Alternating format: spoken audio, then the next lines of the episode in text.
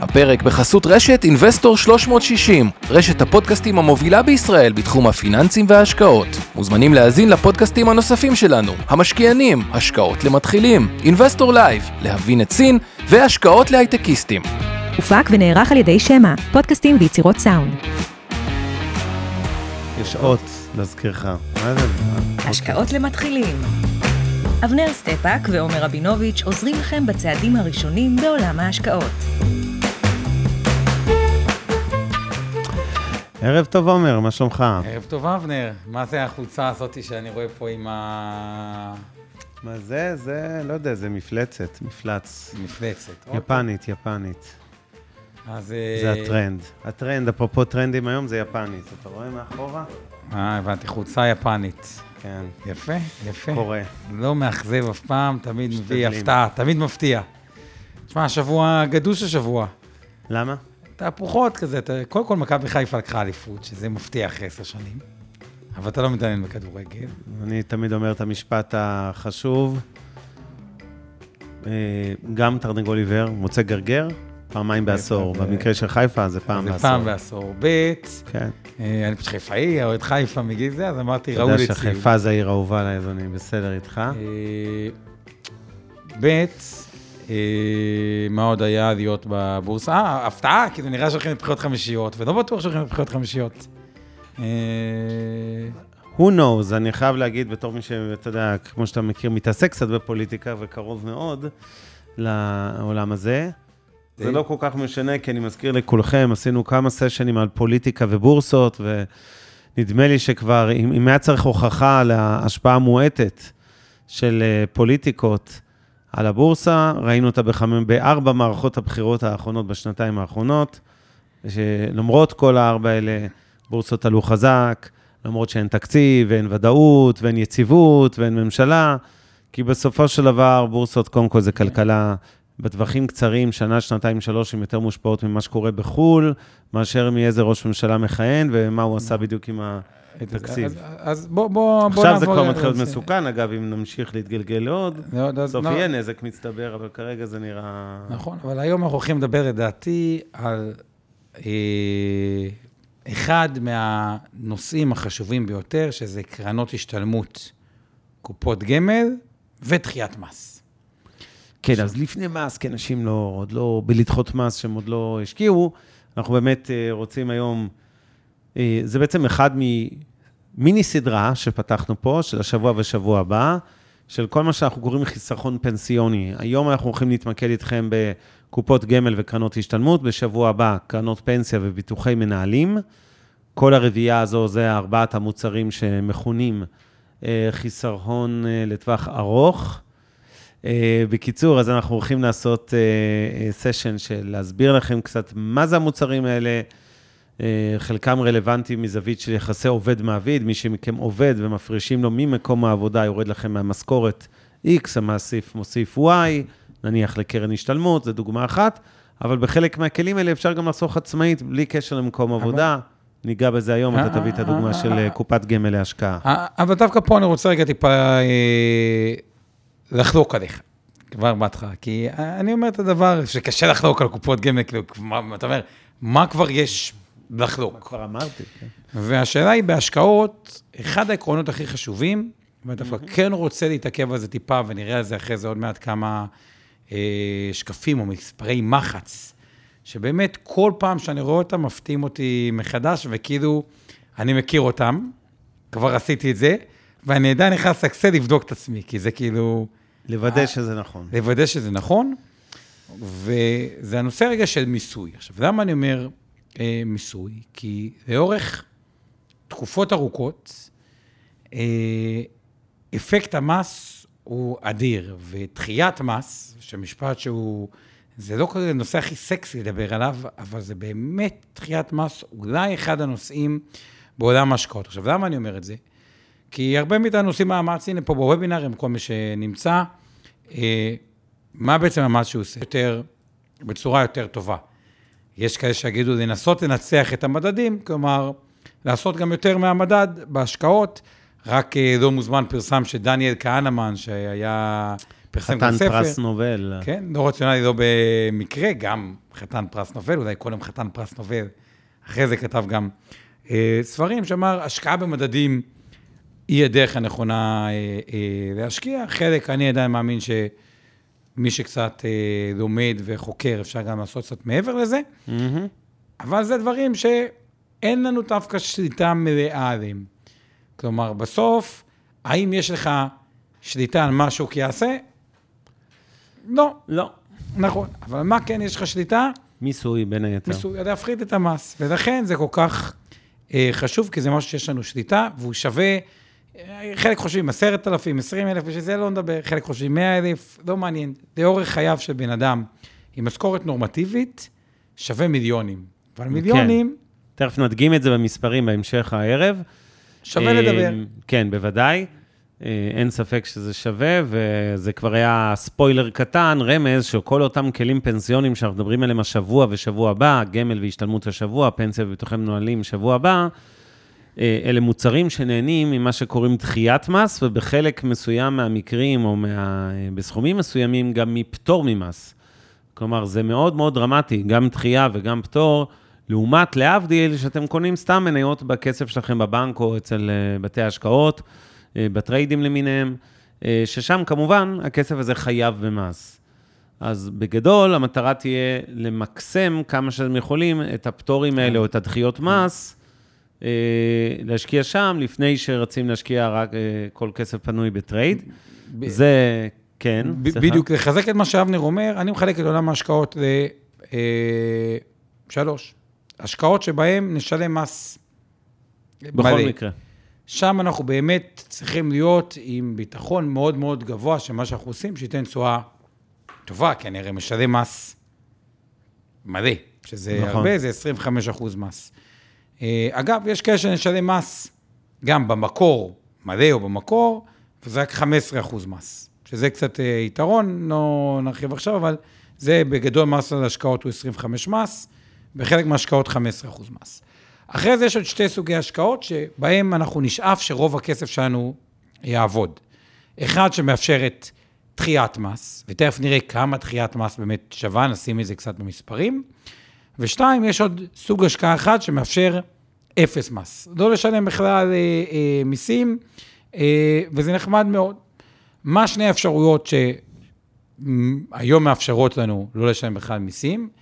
אחד, זה קרן השתלמות, כן. מהמעסיק, ובגלל זה מאוד חשוב לנצל אותה בצורה חכמה, נרחיב על זה אה, בהמשך, נסביר מה זה בכלל קרן השתלמות. ושתיים, זה דירה ראשונה במחירים של עד מיליון שש מאות, כי אז גם אין אה, מס אה, רכישה.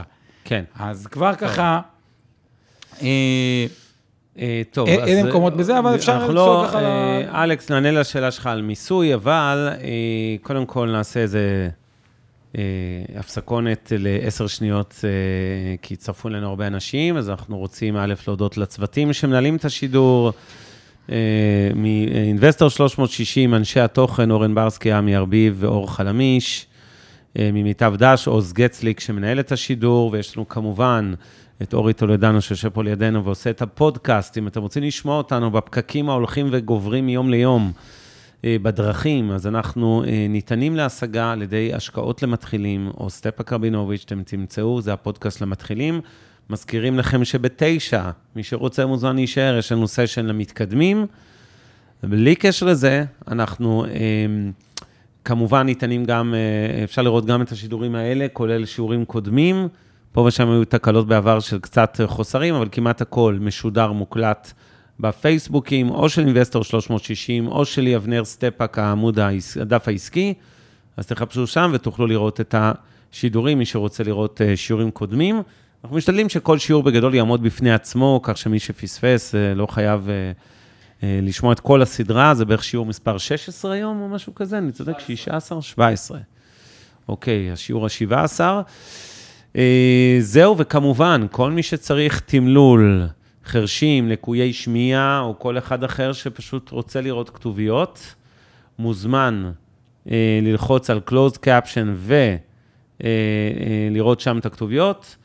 ולבסוף, אנחנו גם משודרים אצל אורה אריאל האופטימית, בפודקאסט של הדרך, אה, לא פודקאסט, בעמוד, קבוצת הפייסבוק המצוינת, הדרך לעצמאות כלכלית. אורה אריאל מנהלת, אז אתם אה, מוזמנים לראות אותנו גם אצלה. ובואו נצלול לחומר. אוקיי. בואו נצלול לחומר. בואו נראה את ה... אנחנו רואים קודם כל אזהרת סיכון, שאנחנו מזכירים לכולם, שכל מה שנעשה היום, וגם בשבוע הבא, הוא לא רק לא ייעוץ השקעות, כי זה אנחנו תמיד אומרים, הוא גם לא מה שנקרא ייעוץ פנסיוני, אוקיי? ולא תחליף לייעוץ, לא יהיה תחליף לייעוץ השקעות ולא לייעוץ פנסיוני אישי, שמותאם לצרכים של כל אחד מכם בנפרד, אבל באמת, ראינו הכל מהכל, עומר, זה המקצוע שלך אפילו יותר משלי, אה, בטח ברמה האישית, או מיטב דש כמובן מתעסק בזה המון, אבל בסוף, באמת כל מקרה לגופו, נכון שיש 70-80 אחוז מהכללים טובים לכולם, אבל בסוף יש הרבה, הרבה, הרבה עניינים אישיים ודברים משתנים שצריך להכניס לפאזל הזה כשמרכיבים את ההשקעות שלכם, גם הפנסיוניות וגם הפיננסיות, מה שנקרא. צאו מתוך הנחה שאנחנו מדברים על איזה מניה בטעות כדוגמה. יש לנו אינטרס שהיא תעלה, ואם אנחנו מדברים כנגד מניה, יש לנו אינטרס שהיא תרד. מה אתה אומר? כן, כל דבר, צאו מתוך הנחה שיש לנו אינטרס. טוב, שיש לנו אינטרס, אוקיי. כי מחזיקים אותה בתיקי הלקוחות של אינבסטור 360, או במיטב דש, בגימל כן. פנסיה השתלמות, תיקי השקעות, קרנות נאמנות, תעודות צה"ל ותיקי השקעות. אוקיי, ועכשיו, בואו ניתן לכם, נתחיל ישר, תכה אותם, שוק על ירך עם המספרים, שיבינו על מה אנחנו מדברים. אוקיי, בואו ניקח עכשיו... השקעתם... בואו נתחיל מהבשורות הטובות, אוקיי? וחלקכם יהיה או תצברו יותר מ-18,000 שקלים.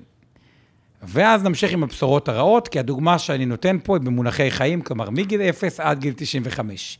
אז לרוב מי ששומע אותנו פה, הבשורות הרעות, אני כבר אומר, אין 95 שנה לחיות, אלא יש אה, פחות 82 סטטיסטית. היום לגברים. אגב, לא בטוח, לאלה שהצעירים מהקהל שלנו, ויש פה גם ילדים, לא רק... אה, מתחילים מבוגרים. כן, אבל בגדול... אה, כן. אבל בוא נגיד שזו דוגמה קצת מוגזמת. נכון, אבל בכוונה לקחתי אותה כדי להבין את האפקט רגע של ריבית דריבית, ואני אשאל אתכם שאלה עכשיו, שאני חושב שכל אחד גם יחשוב עליה. הנתון הראשון הוא כזה, בן אדם שנולד בגיל אפס, וסבא וסבתא, כי ההורים הם נורא עייפים ואין להם כוח לחשוב על שום דבר אחר, כהורה צעיר, החליטו להגדיל ראש ולהפקיד 18,000 שקל במכשיר שנקרא קופת גמל להשקעה, נדבר על מה זה אחרי זה. אבל 18,000 שקלים. בגיל 95, איזה סכום יהיה להם, בהנחה שהם השקיעו את זה בקופת גמל מנייתית, שעושה 8 אחוזי תשואה. את התוצאה. ולא מנקים מס בכלל. התוצאה היא בלתי נתפסת, ושכל אחד ייקח, כן. שנייה, עוד רגע נראה את זה, רגע, טה-טה-טם. 26 מיליון. 27, אפשר להגיד, כמעט 20, מיליון כמעט שקל. מהשקעה חד פעמית, צריך להסביר את זה, שנייה, של 18,000. הוא חד פעמי. תינוק נולד, שמו לו 18,000 בבנק. לא שמו לו כל חודש, לא כל שנה, פעם אחת בלבד, הוא רק נולד 18,000. תיאורטית, מת בגיל 95, לא נגע בכסף הזה, יש לו 27 מיליון שקל. עכשיו אני רוצה שכל מי ששומע אותנו, שיחשוב רגע על השאלה הבאה. אם הוא היה עושה את אותה השקעה בדיוק, היה מקבל את אותם 8 אחוזים בדיוק, רק כל שנה היו מנקים לו מס במקור. כלומר, תיאורטית הוא לא היה עושה 8, הוא היה עושה... 6 בערך. 6 בערך. כי רבע שם, מהרווח שם זה מס. כמה כסף היה לו בגיל 95 במקום 27 מיליון? תכתבו לנו. תכתבו לנו לדעתכם כמה זה היה פוגע. כולה המס, אגב, בואו נראה כבר חשבון פשוט. ה-27 מיליון, יש עליהם בסוף 25 אחוז מס. נכון. אז ה-27 מיליון, השקענו 18, שזה כמו אפס, אז צריכים להוריד 25 אחוז מ-27 מיליון. זה קרוב ל-7 מיליון שקל מיסים, הייתם נשארים קרוב ל-20 נטו, כן. 6.8, כן. בדיוק, יפה, 20 נטו. אז במקום 20 נטו, אם היינו עושים את אותה תשואה בדיוק, רק היו מנקים מס במקור. כל מי ששומע... כל ש... הכוונה, רק נסביר את זה, אם, נתנו לכם עכשיו דוגמה, שאם הייתם משלמים את המס בסוף התקופה, בסוף ה-95 שנה, היה 20 מיליון אז שקל. אז מ-27 מיליון שילמתם רבע מס, נשארתם בגס, אנחנו מגלים, ל-20 מיליון עגול. אם להבדיל את המס הייתם משלמים כל שנה, לא בסוף ה-95, אלא כל שנה מה-8% רווח משלמים את המס, כמה לדעתכם היה נשאר? אז בואו נראה מה כותבים, כל מי ששומע אותנו, תחשבו, תחשבו טיפה, כי הרוב בדרך כלל אומרים קצת פחות. אה, בדרך כלל אומרים 20 אחוז פחות, 25 אחוז פחות, בואו נראה מה אתם פחות כותבים. פחות ממה? מה... 120 מיליון, כלומר, במקום כן. 20 מיליון, אה, 8 מיליון, אה, כותבים פה אנשים, 10 מיליון אבישי כותב, עוד מישהו כותב פה 10 מיליון, 4.5 אוקיי. מיליון. עכשיו, מה התשובה? במקום 20 מיליון אה, שקל, יפה. 4 מיליון וחצי, 4 מיליון 586. כלומר, נשארנו עם רבע מהסכום, כלומר, במקום 20 כן. מיליון 5, ואני חושב שלחלק מס, מהאנשים, כן. אולי לך זה לא משמעותי, אבל לחלק מהצופים פה, 15 מיליון שקל תוספת, זה לא מעט כסף, אבנר. זה ארוחת בוקר שלי. לדעתי- אפילו שתי ארוחות. מה? תשמע, זה הרבה אה, כסף לכולנו, הרבה אפילו כסף. לי. אפילו עכשיו, לך 15 מיליון. בוא נגיד ככה, עכשיו, כן. הדבר הזה הוא שקף באמת שהוא מדהים, אבל אתם אומרים, טוב, 95 שנה, איבדנו אותך, עומר, לא רוצים להקשיב לך. אני רוצה לקחת דוגמה נוספת שהיא קצת יותר... רק להסביר, מה מה זה מינימום שתקבל 32 מיליון? מה זה הנתון הזה? זה בשבוע הבא.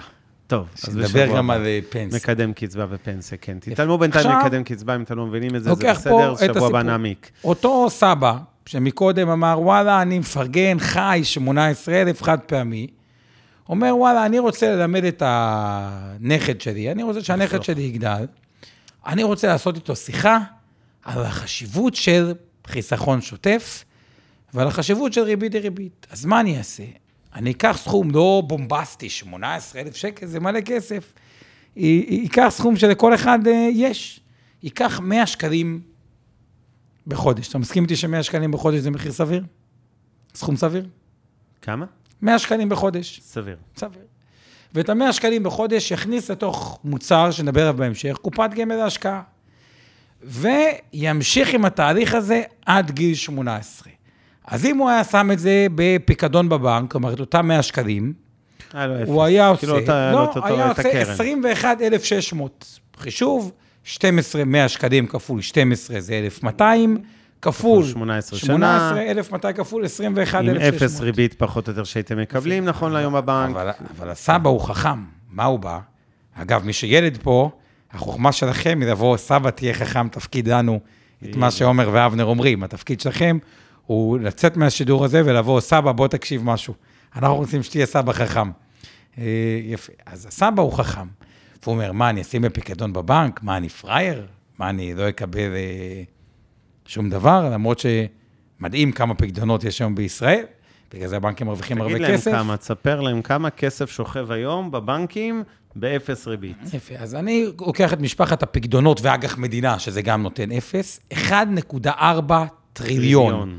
מתוך 4.5 טריליון, כל ההשקעות זהו, אחד מכל ישראל. שלושה שקלים של חסכונות של הציבור בישראל, שוכב, שלא לומר קבור, באפס ריבית, בין אם זה בפיקדון בבנק או באג"ח של ממשלת ישראל אפילו, אבל באפס ריבית, תגיד, פחות או. יותר. פריירת, הישראלים פריירים, מה ממש. לעשות? וזה מוזר, אבל זה המצב. ואומר, אני אשים את זה במסלול מנייתי, כי אני יודע שמניות עושה תשואה של 10-8 אחוז, לקחתי פה 8 אחוז. אז הוא יגיע לגיל 18 של הילד, והסכום יהיה 43,178. למי שככה רוצה לבדוק אותנו, תעשו 100 כפול 12 כפול 18, בחזקת כפול 1.08, שזה מייצג 8 אחוז, בחזקת 9.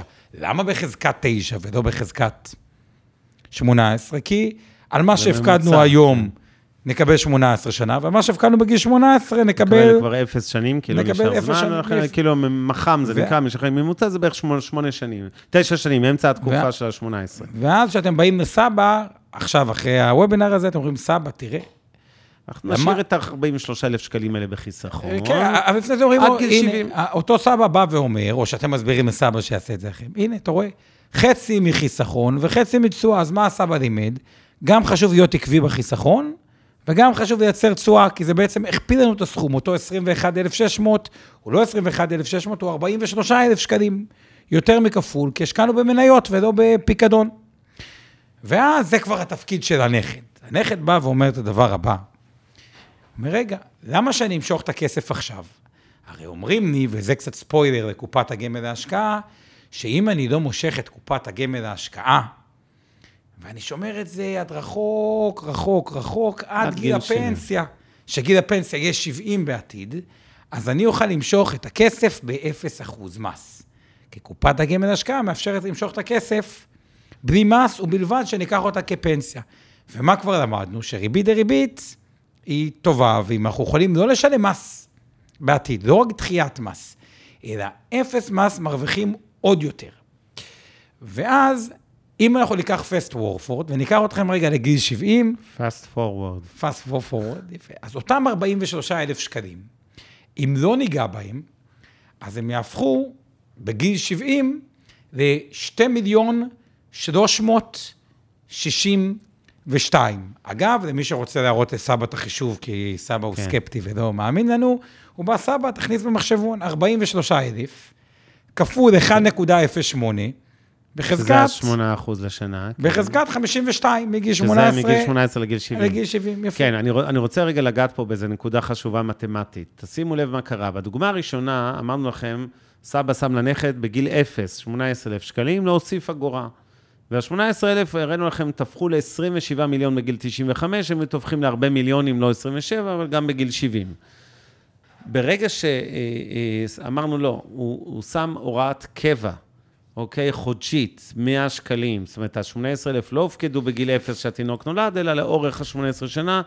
זה לכשעצמו כבר כיווץ לא מעט את התשואה, ועדיין, עדיין, כמו שראינו בדוגמה עכשיו, בגיל 70, אם לא משכתם את הכסף, אז נשים עם הרבה מאוד מיליונים מהשקעה מאוד כן. אה, זניחה של, יחסית זניחה, של 20 ומשהו אלף שקל, על פני 18 שנים. מצד שני, שתבוא לדבר עם סבא או אבא, לא בטוח שהסבא יסכים להיפרד מ-18,000 שקל, אבל תגידו, "אה, סבא, תפרגן 100 לנו. שקל, ב- כן, 100 אפשר שקל לחודש. אולי הוא יזרום איתכם. ו- יפה. ופה אני רוצה להגיד עוד דבר, באמת, אה, אה, שתי מילות הקסם שעומר מזכיר לכם מדי פעם, המושג ריבית דריבית, אוקיי? זה כאילו ריבית בחזקת ריבית. כשאתם משאירים את הכסף ולא צורכים אותו, אה, ואתם משאירים אותו בחיסכון אפקטיבי וחכם, לא באפס ריבית כמו שראינו, כי זה לא ישנה אם תשאירו אותו שם עשר או שנים או, או 95 שנה, אז הכסף עובד בשבילכם הרבה יותר אגרסיבי. אני אומר את זה כי הרבה פעמים אנשים צעירים, ילדים וכולי, נערים, אה, חבר'ה סטודנטים, ושוב, אני לא שופט, לא קל לחסוך במדינה שלנו כסף, וקשה, קל להגיד לאנשים, כן, תשקיעו עכשיו ל-50 שנה, אבל אנשים צריכים את הכסף להיום. אבל רק תבינו את ה trade-off, מה שנקרא, את מה אתם מוותרים כשאתם לוקחים את הכסף הזה להיום. כשבן אדם שיש לו 100,000 שקל בבנק, והוא בן 25, והוא חסך את זה בעבודה קשה, בקושי רב, אם יש לו 100,000, זה לא נתון, אה, כן, נמוך או ממוצע, אבל הוא גם אפשרי, זה לא, זה לא מיליונר. אה, והוא לוקח את ה-100,000 שקל האלה, ולצורך העניין, מפזר אותם על איזה אה, מכונית חדשה או מכונית ושתי נסיעות לחו"ל ומוריד לאפס, הנזק שהוא עושה, בין אם הוא התכוון לקנות דירה בהמשך, ובין אם זה היה יכול להישאר כחיסכון באמת אה, לטווח ארוך במניות, הוא עצום מבחינת ההשפעה של אותם אלף שקלים, אז אני רוצה עם אפקט הריבית דריבית שלא נראה את מה ש... מה שאבנר אמר זה מאוד חכם עכשיו, אני לא רוצה שנראה את זה בערך, אני רוצה שנראה את זה בדיוק. יאללה. אז בואו נראה את זה במספרים, כמה הנזק הוא. ואז נשאלת השאלה, אם באמת עשינו את כל התהליך הזה, ואם בסוף החלטנו, שזה כבר חומר משבוע הבא, אבל אני כן רוצה להגיד מילה, אם בסוף ניקח את אותם 2.3 מיליון שקלים שצברנו, אני מזכיר, ה-100 אלף שקל, הפך לגיל 18 ל-43 אלף שקל, כי נכון, עשינו, נכון, לחודש, כן, כן. כי עשינו זה, 43 אלף שקל. הפכו ל-2.4 מיליון. 2.4 מיליון. ואם החלטנו לקחת את זה כפנסיה, ולמה אני אומר את זה? כי קופת גמל להשקעה מאפשרת לקחת את הכסף בסוף התקופה כפנסיה, כפנסיה חודשית. באפס, פנסיה חודשית באפס מס. ויש מונח שנרחיב עליו יותר שבוע הבא, אבל שנקרא מקדם קצבה. אל תסביר אותו עכשיו, נדבר עליו שבוע הבא, אותו כן. מקדם קצבה, שלא נסביר אותו עכשיו, אני רק אגיד מילה אחת לגביו, למרות מה שאבנר אומר. ה-2.3 מיליון, צריכים לחלק את זה ב-200. מה הכוונה? זה מקדם. לוקחים סכום שהוא חד פעמי, מה שחסכתם מגיל 70, נגיד את ה-2.4 מיליון, מחלקים אותו למקדם, ב-200, היום הוא באזורים של 200. וזה פנסיה זה כמה תקבלו כל שמבטיחים חודש. לכם עד יומכם האחרון. עד יומכם האחרון לכל החיים, ולפחות... כמעט 12,000 שקלים, לפחות. והכל התחיל מ-100 מ-100 שקל לחודש, ואז ותראו איך סידרת. אצלכם משכורת נאה ומכובדת, נטו, של קרוב ל-12,000 שקלים הפנסיה. שזה פי 112. כלומר, אותם 100 שקל הפכו לפי 112, אז זה שצריך. ועכשיו. מה האחריות שלכם בסוף הוובינר הזה? כל אחד לבוא לאבא, או לסבא, או מי שזה סבא, חלק מהאנשים כבר סבא פה, כן? מי שסבא, ליישם בעצמו, כדי שהנכד יגיד, בואנה, סבא שלי היה גאון, ואת אותם 100 שקלים בחודש ששמים, מי שעשה בנדיב יכול 180 להתפרע, אה, אז זה עוד יותר, אבל תזכרו את מספר הקסם הזה, פי 100. הפקדנו 18 שנה, ונקבל אה, כסף, לא ל-18 שנה, מגיל 70 עד יומנו האחרון, זה יכול להיות 90, זה יכול להיות 95, פי 118. ושואל פה גדי בצדק, אומר לי, רגע, רגע, רגע, רגע, מה, אני פראייר? מה קורה עם המוטב? הולך לעולמו לפני שעברו 200 חודשים. טוב, זה שאלה למקצוענים. אז רגע, בוא נענה לגדי. עשית מרוב אושר, הלכת יום אחרי. מה יפה במקדם, או בדברים? אומרים לך, אתה תקבל את זה, אה, לא אה, מקדם 200, כאילו 200 קצבאות, שזה 18 שנה, בדיוק אותם 18 שנה שדיברנו, תקבל מינימום 20 שנה. כלומר, בכל מקרה מבטיחים, תחיו יותר, יותר זה אחלה. לא תחיו יותר, מינימום 20 שנה. בגלל זה אני אומר, פי 112, הפקדתם 18 שנה, תקבלו מינימום 20 שנה, אתם המוטבים, פי 118, וזה מאוד מאוד אה, אה, משמעותי. כמובן, אם רוב המאזינים הם בני 18 עד 35 או גילאים יותר, אז אתם יודעים, התפקיד הוא 100, התפקיד הוא טיפה יותר, אבל העיקרון הוא אותו. כן, אה... אני רוצה להתחבר פה להערה, שאלה של אלי אה, בצ'אט, אה, ולתת אולי איזו דוגמה, סיפור קונקרטי ממש מלפני כמה ימים, התקשר אליי מישהו שעזרתי לו לפני עשור עם משכנתה, והוא מספר לי, תשמע, חיתנתי את הבת, זוג בני 28, שניהם אנשי קבע במודיעין, משכורות יחסית יפות, מרוויחים 23 נטו ביחד, ועכשיו הוא רוצה לקנות להם דירה. עכשיו, הוא לא קונה להם את הדירה, יש להם חסכונות של כמה מאות אלפי שקלים, הוא מוסיף כמה מאות שלו, וביחד הם קונים דירה בקרוב לשלושה מיליון שקל, הם נשואים עדיין בלי ילדים, זוג צעיר. דירת חמישה חדרים חדשה, עולה באיפה שהוא קונה, אני לא זוכר איפה זה היה, אבל זה לא חשוב, 2.8 מיליון שקל, והוא עוזר להם עם הון עצמי וכו'.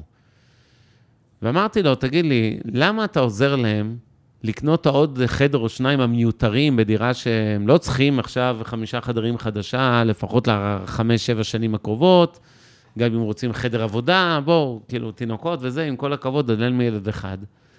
ולא תעזור להם בזה, במניות, לייצר להם חיסכון שהוא הרבה יותר אפקטיבי מהעזרה בהון עצמי, זאת אומרת, זה גם לא, צריך להגיד, זה עזרה למותרות, זה לא זוג שמתחתן ואין לו את ה-25 אחוז... אולי צריך חדר לחמוס, או חדר לכלב, או חדר לחתול, לא, לא, לא, לא. זוג שמתחתן ואין לו את ההון העצמי המינימלי, כלומר רבע מחיר הדירה, והדירה היא דירה נורמלית, שלושה, ארבעה חדרים, נגיד, אם זה זוג בלי ילדים, אני יכול להבין למה, נכון. כמובן, אה, צריך לעזור לילדים, אם אפשר, עוזרים.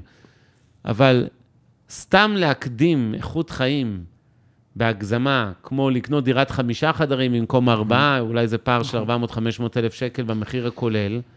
תחשבו איפה קברתם את ה-400-500 אלף שקל האלה, שילמתם עליהם הוצאות מימון של משכנתה, מנעתם מעצמכם תשואה על ההון העצמי, והראינו פה מה שווה ריבית דריבית. אז אני חושב, ואני אומר את זה גם למאזינים ולצופים הצעירים שלנו, שיכולים להרשות לעצמם לא לקפוץ ישר מעל הפופיק, ולהגיד, אוקיי, באמת אני בשבע שנים הקרובות יכול להסתפק בדירת ארבעה חדרים, רק התחתנו, כנראה שהתשובה היא כן, לחלק גדול זה גם עשר ושתים שנים. סבבה, לא צריך לרוץ ישר כן, ולהשקיע. עוד ועוד ועוד. יש איזו נטייה שם. כזאת להתמנף, וכן, ואנחנו חייבים דירה יותר גדולה, ושואו קצת וזה. האפקט של הכסף הזה באפיקים אלטרנטיביים, כלומר במניות וכל מיני רעיונות השקעה אחרים, הוא לאין ארוך יותר גדול מהנזק שאתם עושים מהחדר החמישי הזה שקניתם.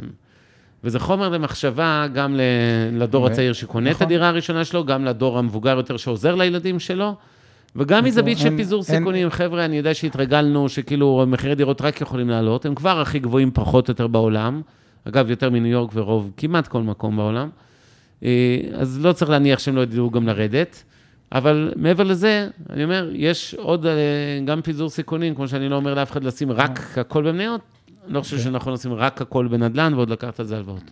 אז, אז בואו ניקח עכשיו באמת איזה כמה טריקים וסודות, הסודות של קופות הגמל וקרנות ההשתלמות, וניתן על זה כמה אה, טוב, בוא אה, נתחיל ממה זה. קרן השתלמות וקופת גמל יפה, בקצרה, קרן- לטובת הממש יפה, אה, קרן- לא יודעים. קרן השתלמות. מה זה קרן השתלמות? קרן השתלמות זה משהו שהמעסיק מפריש לכם 2.5 אחוז. הפוך, אתה מפריש.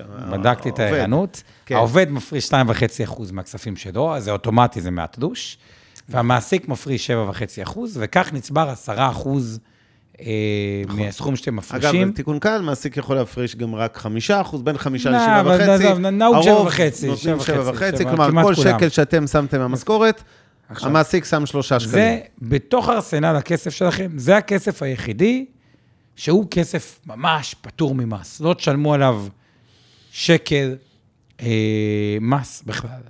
ולכן, שווה לעשות אחד משני הדברים כנגד קרן ההשתלמות. אחד, זה שתהיה במסלול מנייתי. למה? תוחלת הרווח במניות היא הגבוהה ביותר, לפחות לפי ה-200 שנים האחרונות. יכול להיות שה-200 שנים לעומת הבאות. כל אפיקי השקעה אחרים. אג"חים, נדל"ן, דברים אחרים. נכון, כן. ולכן יש היגיון פשוט להחליט החלטה אסטרטגית. אני, קרן ההשתלמות שלי במניות. למה? מתי אנחנו נפדה קרן השתלמות? כשאנחנו נלך, וחלק חושבים שזה 6-7 שנים, ממש לא. כשאנחנו נלך וניסע באוטו, ונלך לתחנת הדלק, ונבוא למלא דלק, וכשנכניס את כרטיס האשראי, יגידו לנו, רגע, אין לכם כסף לשלם לדלק. אז נפדה את קרן ההשתלמות. כלומר, כל עוד יש לכם שקל בבנק שלכם, שאתם יכולים לנצל אותו, אנחנו לא ניגע בכסף הקדוש הזה, שהוא כסף שהוא באמת פטור ממס לחלוטין. כן. אז אני אה, רוצה לא לא- להוסיף... אה, אנקדוטה קטנה רק, שאני רוצה להגיד כן. לגבי זה לפני להוסיף.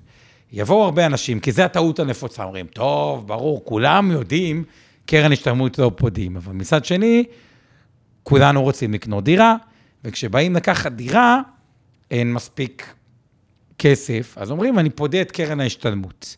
אז גם זה מה שאני אומר. אתם כבר רוצים לקחת כסף לדירה כנגד קרן ההשתלמות, או חס וחלילה פוטרתם ואין לכם כסף ואין ממה לחיות. רגע לפני, מילאתם דלק ואין לכם כסף לדלק, רגע לפני שפודים את קרן ההשתלמות, שאמורה לתת 8% במסלול מנייתי, או 4-5% במסלול כללי, תמיד אפשר לקחת אה, הלוואה כנגד קרן ההשתלמות, שהיא בדרך כלל הלוואה זולה.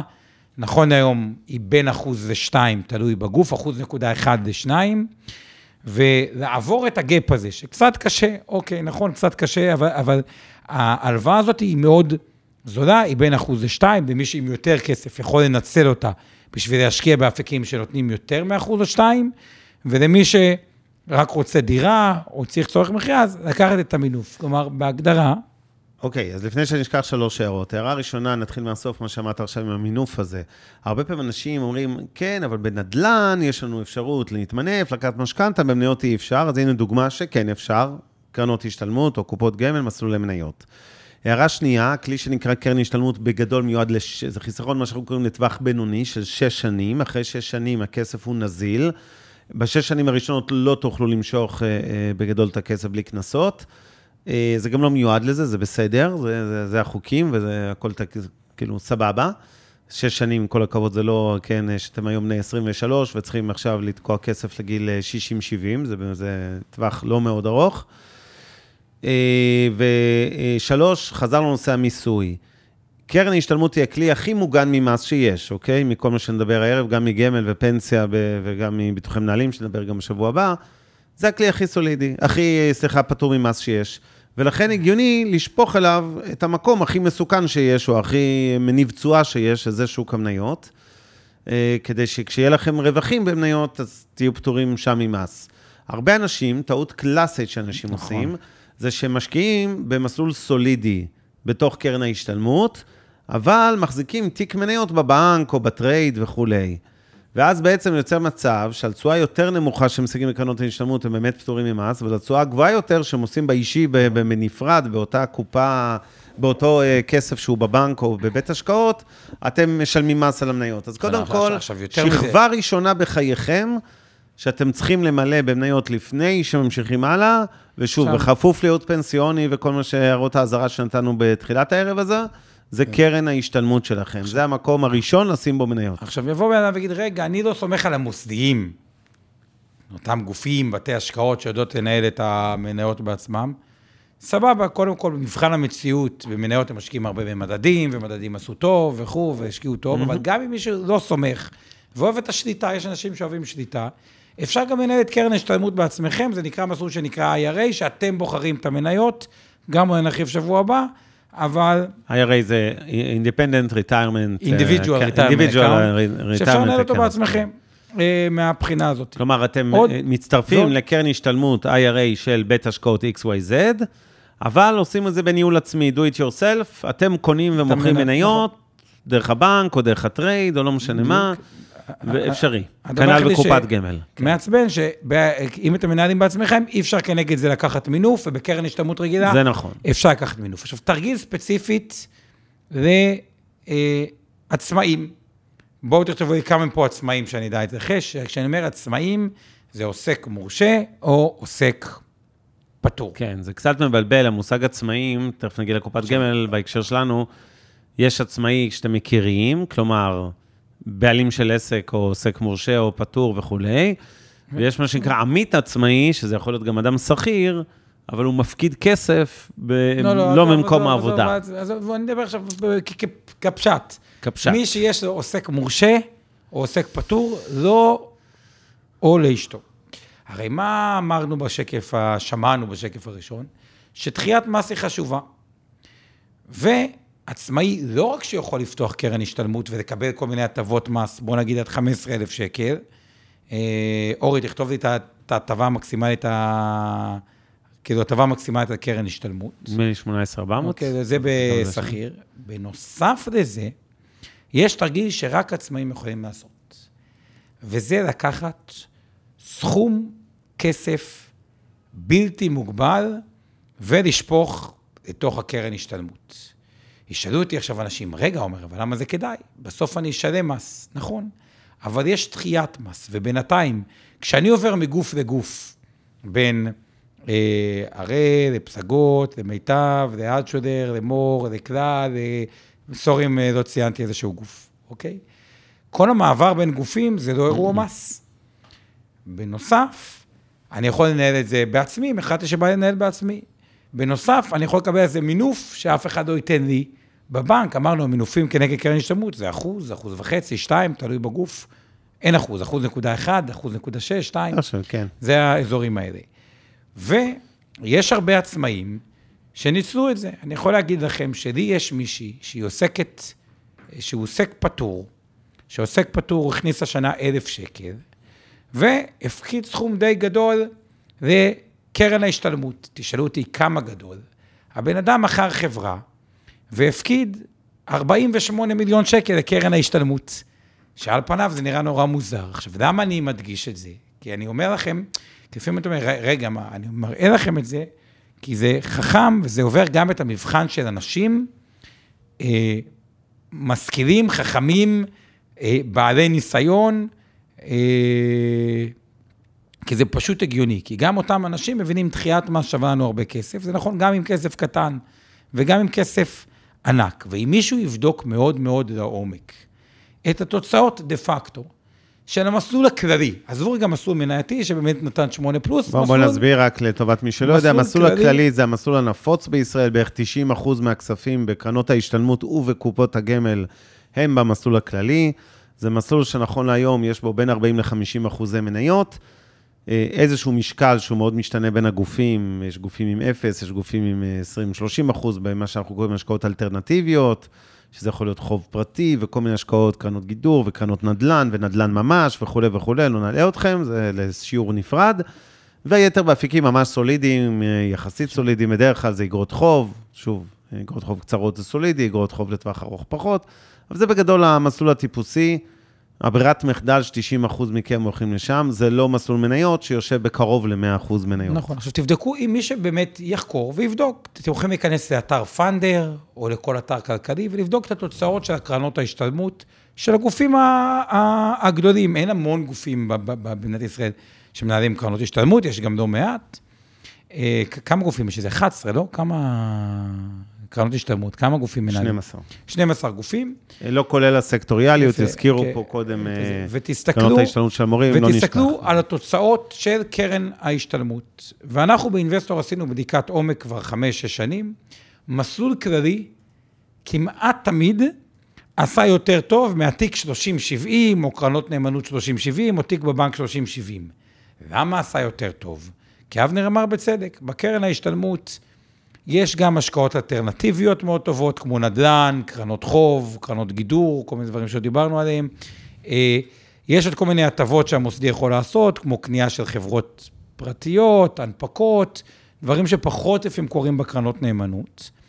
והתוצאות שלהם לא כאלה רעות. הממוצע, אם מסתכלים עשור אחורה, באזור ה-6 אחוזים, אה, ובגדול, מרוויחים פה את דחיית המס, מרוויחים דמי ניהול שהם יחסית די פרנדלי, uh, כלומר, גם אין uh, עמלה לבנק, ואז זה עמלה ל... uh, כאילו קנייה מכירה וקרן נאמנות, וכאילו זה יחסית מוצר שהוא לא, הוא, הוא, די נוח מבחינת העלויות שלו. אפשר לשים סכומים גדולים, הוא מאוד מפוזר, אפשר לעבור מסלולים, גופים, לנהל בעצמכם, וזה משהו אחד שאנחנו עושים בו הרבה שימוש לעצמאים. אני יכול להגיד לכם שהיו לא מעט מקרים שעצמאים אצלנו הפקידו סכומים מאוד מאוד גבוהים, והיה להם את כל אפשרויות ההשקעה פני כדור הארץ, ועדיין בחרו בתרגיל שאני אומר עכשיו, עוסק מורשה, עוסק פטור, כמשהו, רצ... כאילו, כיחידה רצינית אצלם. אני מדבר איתכם חלק מאות אלפי שקלים, וחלק גם מיליונים, וחלק גם עשרות מיליונים. טוב, אני, אני רוצה זה, רגע, זה, כי ואז... זמננו קצת מתקצר, יש לנו עוד קהות וזה, אני רוצה להוסיף עוד דבר חשוב שנגעת בו, הזכרת אותו כמה פעמים היום, וכמובן לענות לשאלות, ויש פינה חברתית וקהות, ו-18 דקות. אז אה, הדבר שרציתי להגיד זה אה, המושג הזה שכל הזמן אתה חוזר עליו, של דחיית מס. אז דיברנו, ועומר נתן דוגמה, בקרנות השתלמות של הדחיית מס, אבל אה, דחיית מס זה לא פטור ממס, אבל זה עדיין שווה הרבה מאוד כסף. העובדה שאתם משלמים את המס רק בסוף, בסוף, בסוף, כשאתם מוציאים את הכסף, זה עובדה מאוד מאוד דרמטית, אה, ונתנו קודם הדגמה מספרית גם, לעומת מצב שבו אתם משלמים מס בשוטף. וזה בדיוק ההבדל בין תיק שהשקעתם ישירות במניות או בקרנות נאמנות, לצורך העניין, בבנק או ב Trade, לבין כסף בקרן השתלמות, בין שבחרתם לנהל אותו לבד ב-IRA, ובין שהגוף המוסדי ניהל עבורכם, ששם המס הוא בסוף התקופה. בתיק רגיל, אתם משמש, משלמים מיסים בשוטף. מכרתם מניה בתיק עם רווח, לא משלמים כמובן על רווחים על הנייר, כן? זה שקניתם מניה והיא עלתה ב-30 אחוז, לא צריך לשלם. מכרתם, אבל מכרתם מניה כלשהי, קיבלתם דיבידנדים, אני מזכיר. קיבלתם קופון מהאג"ח, כל דבר. כן, כל האירועים האלה שתזרימית, נכנס לכם כסף חזרה מהשקעות, אתם צריכים לשלם מס. ופה, להבדיל, הכסף בעצם צובר, דיברנו קודם על מושג ריבית דריבית, תחשבו שהכסף ברוטו שלכם, למרות שהוא כאילו על הנייר אתם חייבים מס, אבל אתם עוד לא חייבים אותו, אתם משקיעים בעצם, זה סוג של מינוף נוסף, אוקיי? הכסף הזה שתאורטית חלקו אמור בכלל להיות מיסים, הוא עובד בשבילכם, אז במקום שיש לכם 100,000 שקל לדוגמה, בכסף שהוא אה, משלם כל הזמן מיסים, המאה הזה יכול להיות 120, 130, תלוי אחרי כמה שנים כמובן, ובריבית דריבית, גם אם מתוכו עדיין יש עשרות אלפי שקלים, שזה בעצם מס על הנייר שאתם תהיו חייבים בסוף תקופה, עצם הרווח שאתם מייצרים על הכסף הזה, זה כבר אפקט של ריבית דריבית נוסף. עכשיו, אז איך בסוף לוקחים את הדבר הזה והופכים אותו לתוכנית השקעות? אני רוצה להראות לכם אה, מה שאני לפחות ממליץ לאנשים לעשות, אנחנו באינבסטור. כן. אז מצד אחד הזכרנו פה שני מכשירים, קרן השתלמות, שזה כדאי שזה יהיה במניות, וגם הזכרנו את הקרן השתלמות, קרן השתלמות לעצמאים, את התרגיל. מצד שני, יש את קופת הגמל, ששם אנחנו יכולים לקחת את זה בכלל ב-0 אחוז. מס, אם ניקח את זה בסוף כפנסיה. כלומר, זה לא רק דחיית מס, זה גם 0 אחוז מס. אז מה הרבה פעמים אני ממליץ לאנשים?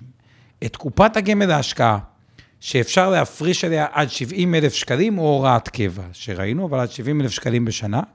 אני אוהב הרבה פעמים מסלול מנייתי. למה? כי אני אומר, וואלה, אם במקרה החיים שיסתדרו, אני לא אפוטר, לא יהיה לי בעיות אה, כאלה ואחרות, אה, זה יסחוב, יסחוב, יסחוב, יסחוב. בסוף אני אוכל לקחת את כל המניות שהרווחתי ב-0% מס. וספציפית לעצמאים פה, זה הטיפ. מי שיש עוסק מורשה, את הקרן השתלמות, אני מדבר עכשיו על מעבר לתקרה, לא החלק של הקרן השתלמות שהפרישו לכם כשכיר את אותם 18,400, מי שיש לו עוסק מורשה, עוסק פטור ויכול להפריש מעבר, את זה הייתי שם במסלול הרבה פעמים כללי. ואז יש לנו באמת, בסוף נשלם מס, אה, אבל נהנה מדחיית מס. ועוד הערה קטנה לגבי מכשירים עם דחיית מס. את המס שנשלם, נשלם 25 אחוז, אבל בניכוי מה? בניכוי אינפלציה. כלומר, אם הרווחנו 5 אה, אחוזים לשנה והאינפלציה תהיה 2 אחוזים לשנה, בסוף נשלם מס רק על 3 אחוזים, ולא על כל ה-5 אחוזי אה, רווח, שזה עוד יתרון אה, אה, בקרנות, אה, אה, מעבר לתקרה. אז בואו נעשה סיכום ביניים. למדנו עם קרן השתלמות אה, לכל השכירים, עדיף לנצל איזה מסלול מנייתי, ואפשר mm-hmm. לקחת מינוף.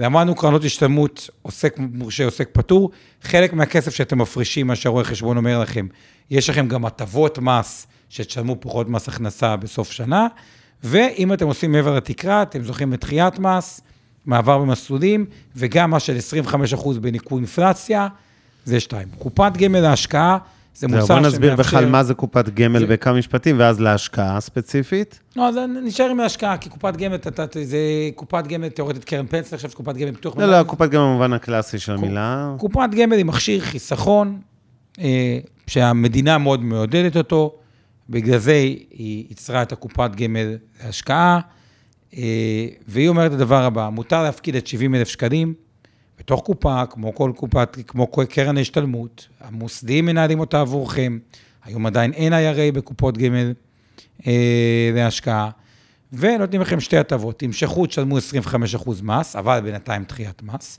לא תמשכו, תיקחו כפנסיה, תהיו באפס מס עד הבית. כן. ובגלל זה הרבה מאוד אנשים אוהבים את זה.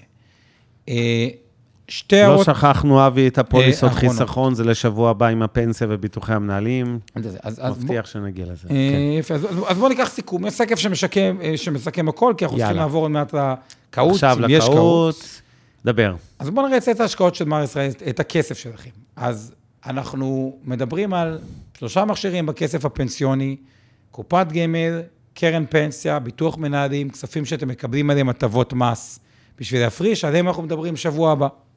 כן. הכסף השני שיש לכם הוא הכסף הפטור.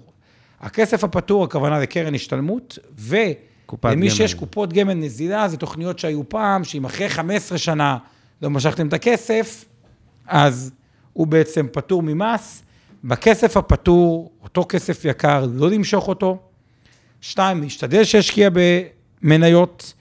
ויש לכם אפשרות לקחת מינוף מאוד מאוד אטרקטיבי עליו, בדרך כלל במסלולים המנייתיים רק 50 אחוז, ובמסלולים הכלליים אפשר עד 80 אחוז הלוואה כנגד קרנות השתלמות, קופות גמל נזילות, קופות גמל נזילות לצעירים שבינינו פחות רלוונטי, זה יותר מכשירים של פעם שהיה אפשר להשקיע בהם ונתנו את אותה אה, הטבת מס.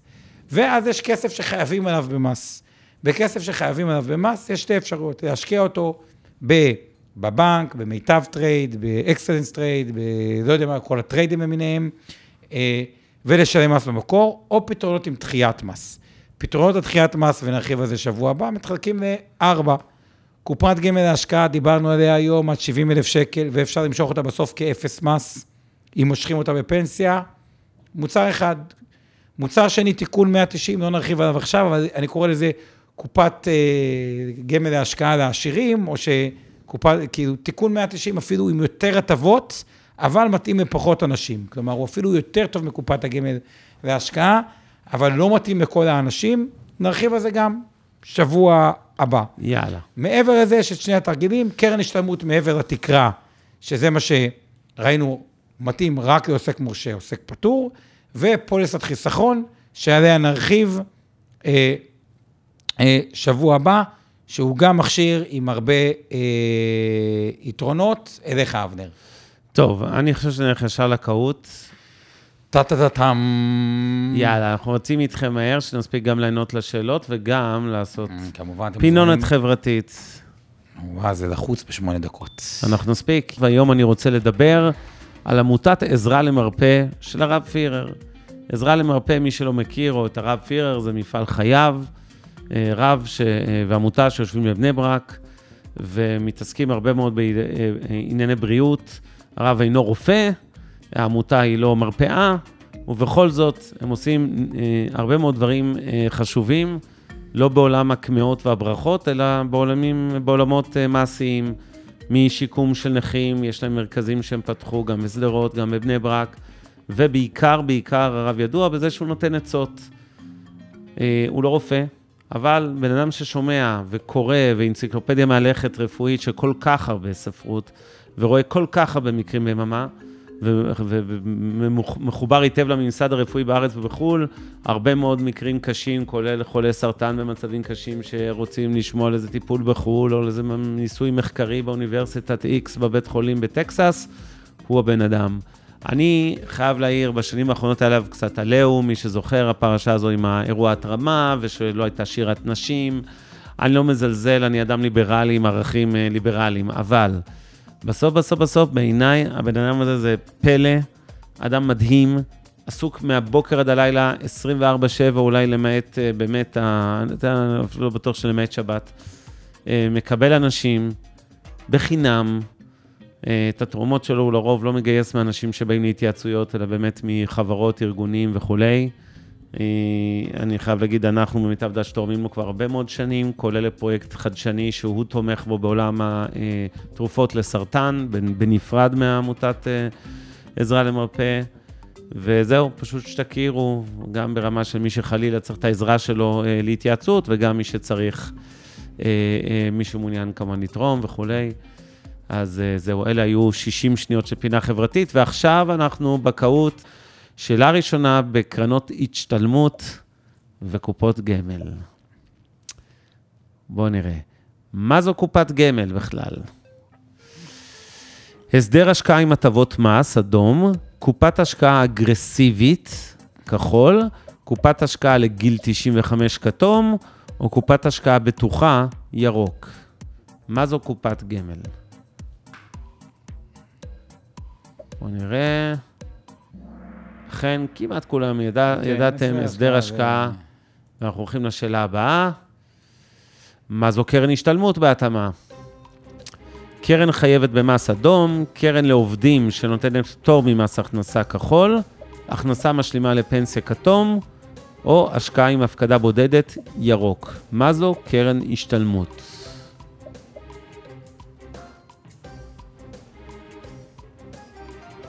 אוקיי, אז אה, נכון. אה, בואו נראה אם ידעו. אגב, עובדים, גם כן, עצמאים, נכון? כמעט כולכם ידעתם שזו קרן שניתנת במקום העבודה, לדרך כלל לא, מעסיקים. אני מזכיר, מי שיודע, גם על מהירות מקבלים ניקוד, בואו נמשיך הלאה. כן, כן, צריך גם לענות מהר. שאלה מספר 3, מה היתרון הגדול של קופות גמל? אדום, שיטת המיסוי, כחול, ניתן להשקיע בחו"ל, כתום, החזרים גבוהים יותר, או ירוק, עמלות נמוכות. מה היתרון הכי גדול של קופות הגמל? אה, דיברנו, הזכרנו את המילה הזאת 20 פעם הערב, אני בטוח שאתם כן, יודעים. למרות... בואו נראה מי טועה פה. אני ארוג אתכם. אני חייב לציין שאם היה... שיטת המיסוי, אם היה כמה תשובות נכונות, זה גם נכון, כי ניתן להשקיע בחו"ל. בסדר, אבל בוא, שאלנו מה היתרון הכי גדול. זה שניתן בחו"ל, זה הכי גדול. גם ניתן... שאלה מספר 4, כמה בדרך כלל המעסיק מפריש לקרן ההשתלמות מתוך המשכורת שלכם? כמה המעסיק, שימו לב, לא אתם. 1% אדום, 7 אחוזים וחצי כחול, 10 אחוז כתום או 12 אחוזים ירוק. כמה המעסיק שם לכם, כן, יש לנו, כולם ידעו יפה מאוד, 7 אחוזים וחצי. ו... הלאה, שאלה מספר 5. למה הממשלה מקדמת כל כך את קרנות ההשתלמות? אדום, כדי שיהיה פחות מיסים למדינה. כחול, לעודד חיסכון. כתום, בשביל שגופים כמונו, המוסדיים, מה שנקרא, ירוויחו כסף. או ירוק, כדי לעודד השקעות בנדל"ן, כי קרנות ההשתלמות גם משקיעות חלק בנדל"ן. למה מקדמים? יפה. אגב, הביקורת הזו היא מאוד גבוהה, שזה נותן יחסית הטבה למשכורות יותר גבוהות, אז צודק, לא צודק, תנצלו את זה כבר. כלומר, אחלה. בדיוק. שאלה מספר 6, אחת לפני האחרונה, באילו אפיקים כדאי להשקיע במסגרת השתלמות? כבר פתחתם קרן השתלמות, איפה אתם רוצים להשקיע בעדיפות ראשונה? ריטים, אני מזכיר, זה real estate investment trust, זה השקעות בקרנות נדל"ן. אדום, מניות, זה כחול, נדל"ן, כתום, או אגרות חוב, ירוק, איפה אתם רוצים להשקיע בתוך קרן ההשתלמות שלכם הכי הרבה? במניות כמעט כולם ידעו. אגב, גם ריטים... אה, ריטים זו לא תשובה רעה, כן, אבל... תשובה טוב, אני לא אהבתי, מספיק טובה. אבל... אה, אהבתם את היצירתיות של לאחרונה, מה. אחד היתרונות של קרן השתלמות. אדום, שניתן לפדות את הקרן בעת פיטורין, כחול, שאפשר למנף כנגד הקרן, לקחת הלוואה ולהשקיע עוד, כתום, נותן כפול תשואה על ההכנסה, או ירוק, חוסך במס קנייה, שימו לב, מס קנייה. מה אחד מהיתרונות של קרן השתלמות? כן, כולכם כמעט נכון. ידעתם, זה המינוף שמתאפשר, וזהו. אז אנחנו סיימנו עם קרן השתלמות. סיימנו פרק נוסף של השקעות למתחילים. אתם יכולים למצוא אותנו בכל אפליקציות הפודקאסטים, לחצו על עקוב כדי להישאר מעודכנים בפרקים החדשים. אם הסדרה מעניינת אתכם ואתכן, אז אתם מרגישים שהרווחתם ידע שימושי על עולם ההשקעות, אנחנו גם מבקשים ומזמינים אתכם לשלוח את הפודקאסט הזה לכל מי שאתם חושבים שיכול להרוויח מזה. תודה לעמי ארביב, האור חלמיש, אורן ברסקי מהצוות של Investor 360, תודה לאור גצליק מהצוות של מיטב דש, וכמובן לשם הפודקאסטים ויצירות סאונד. נשתמע בפרקים הבאים. השקעות למתחילים. אבנר סטפאק ועומר רבינוביץ' עוזרים לכם בצעדים הראשונים בעולם ההשקעות. מעוניינים ללמוד יותר על עולם ההשקעות? האזינו לפודקאסטים נוספים שלנו. המשקיענים, אבנר סטפאק ועומר רבינוביץ' בתוכנית אקטואלית עם כל מה שחם בעולם ההשקעות. Investor 360 Live, אורן ברסקי ועומר רבינוביץ' מארחים את בכירי שוק ההון ומבינים את הטרנדים החשובים לשנים הקרובות. להבין סין עם יובל ויינרב, עם כל מה שרציתם לדעת על הענקית מהמזרח. השקעות להייטקיסטים עם צח איציק, שיבנה איתכם תוכנית כלכלית להגשמת החלומות שלכם, והפודקאסט ההשקעות למתחילים, לכל מי שעושה את צעדיו הראשונים בעולם ההשקעות.